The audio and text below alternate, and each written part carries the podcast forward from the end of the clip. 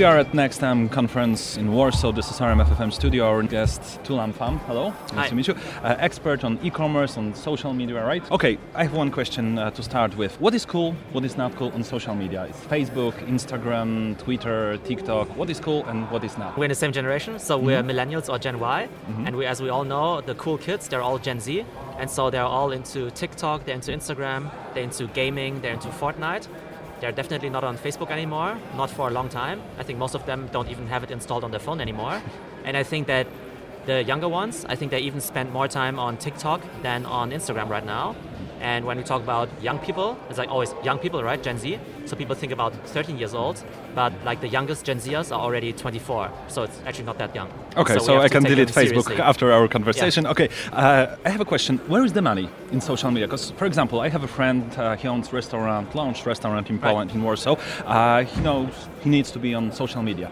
Uh, Facebook, okay, Instagram, okay, but he said TikTok. There is no money on TikTok. There are kids with no money. Right. So, for advertisers, TikTok is a good place or not? I think it's always a good place where the attention of the users is. Mm-hmm. So if it's a restaurant that is geared towards people 15 to 25, Mm-hmm. then it's an excellent place. And you only have to figure out how can I create content that goes viral, how can I create ads that are really engaging, and then people will come. But I think it's definitely going to work. But it's just about figuring out these new platforms. And there are money. There are people with money Yeah. using, for example, TikTok. Yeah, people who are 20 years old, who are 25 years old, they definitely have money. They are college students. Um, as long as you don't want to sell Lamborghinis to them, I think it's fine. So yeah. Okay, is it better to be on one social platform or I have to, as a company, be on every platform possible? I think you should be on every platform where your users are. So if it's young customers, then you should definitely do YouTube and Instagram and TikTok, mm-hmm. but not do Facebook because it doesn't make any sense. If your audience is a lot older, then maybe only do Facebook and Instagram and don't do TikTok. So it really depends. What I find is that most companies don't have a lot of resources, and so they're not really capable of doing 10 channels really well. And so usually they just focus on two or three, and then they're really good at, say, podcasting or really good at Instagram. You mentioned resources. Do we need resources? Is it? Do we need uh, professionals, specialists to manage to handle our social media, our company social media? Or okay, this is my son who will handle this. He's I know 20. He's gonna uh, do it right. So do we need professionals or amateurs are just fine on social media? I think we need people who are good at it, who are enthusiastic about it, but that doesn't necessarily mean that they need to be very old or very expensive, right? So I mean, there are 20 year, there are 15 year old kids who have Instagram accounts with millions of followers, who have really big TikTok accounts. So I would rather hire this 15 year old kid rather than somebody with three PhDs in marketing from some big university, right? Because they won't be able to do the uh, say content and stuff like that. Um, but I think overall we do need more resources in house. So have different ways to do marketing. Obviously, you can spend a lot of money on ads, so I think this doesn't work anymore. Then you can work with big agencies, but I think, especially in the content world, they are too slow because they're only built for, say, big campaigns where you have maybe one big product launch every couple of months. But in this content game, you have to produce so much content every single day for different platforms, and I believe that you can do it only in-house uh, at the right cost and at the right, uh, say, velocity. Do you need just people with talent and some kind of skills, or do you need also research, uh, knowledge, something like this, just to know what to do, what effects you're gonna um, have? Right. Um, so I think there are different roles in every social media team. So you have the different content kind of content creators. So you need to have like uh, video people, people who are good at taking pictures, audio people, and then people who are who can buy reach, who can buy audiences and do analytics.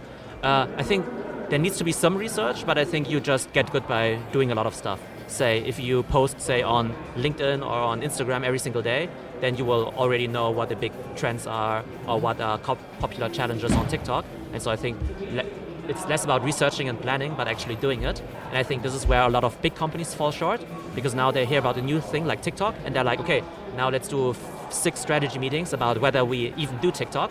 And in the same time, the young people, the influencers, they've already created 100 videos. What is the difference between different countries? On different countries, you have different platforms. You have Facebook over here, you have Weibo in China, you have uh, in Russia. Uh, they are all the same with different names, yeah, but they are all the same or they are something different?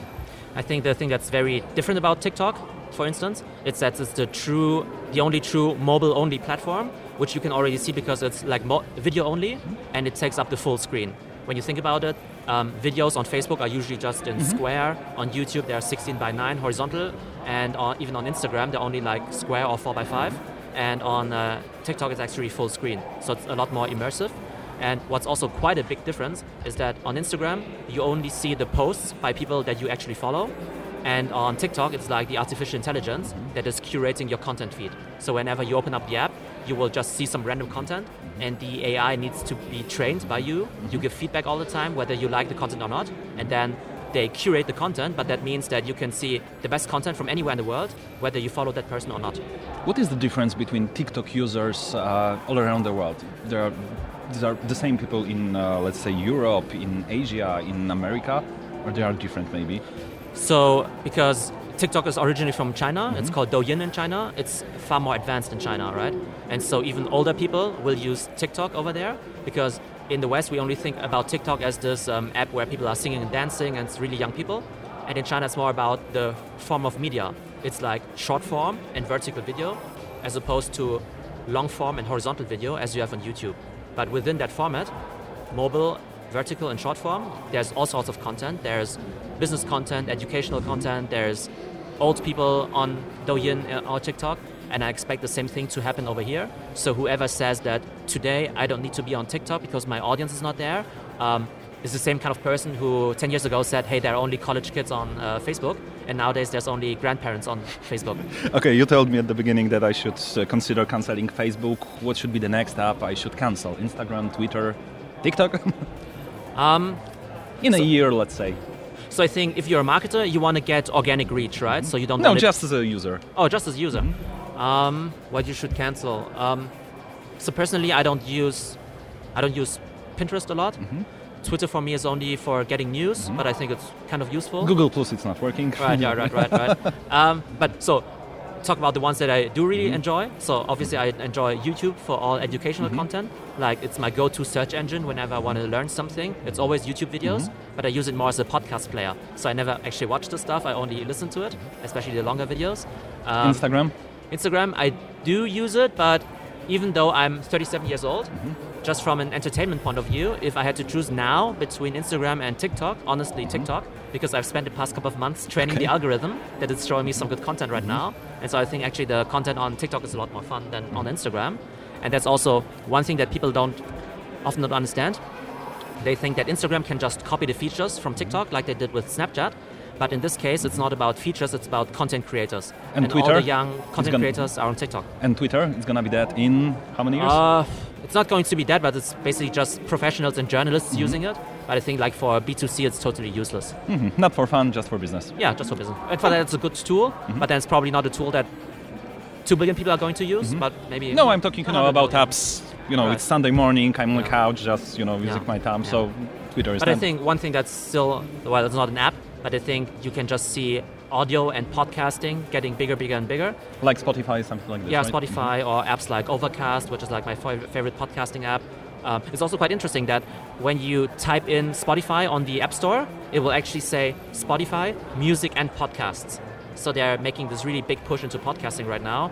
They've bought all those uh, companies, those content companies this year, and so this is like one of their main business areas. It's next big thing, let's say podcast? Uh, I think it's already there. It's already there because you see that uh, audio consumption is just so mm-hmm. popular, and also when we are doing podcast right now. so. We're doing a podcast, and I think it's like let's say if you're a company, um, it's quite hard to get people to watch even more video. Um, but a lot of people are still not listening to podcasts, and so there's still so much, say, real estate or so much audio that you can sell to people. And so I think this is already still a big area. Although it's quite interesting that TikTok, say, is now the place where people are discovering new music all the big hits in the charts are going viral because of TikTok, and now they're in talks with the big record labels in order to be a new Spotify. So it's again this thought in China that's very popular of having those big super apps, super apps where you can do pretty much anything. Great, Tu-Lam Pham, thank you very much. Thank you.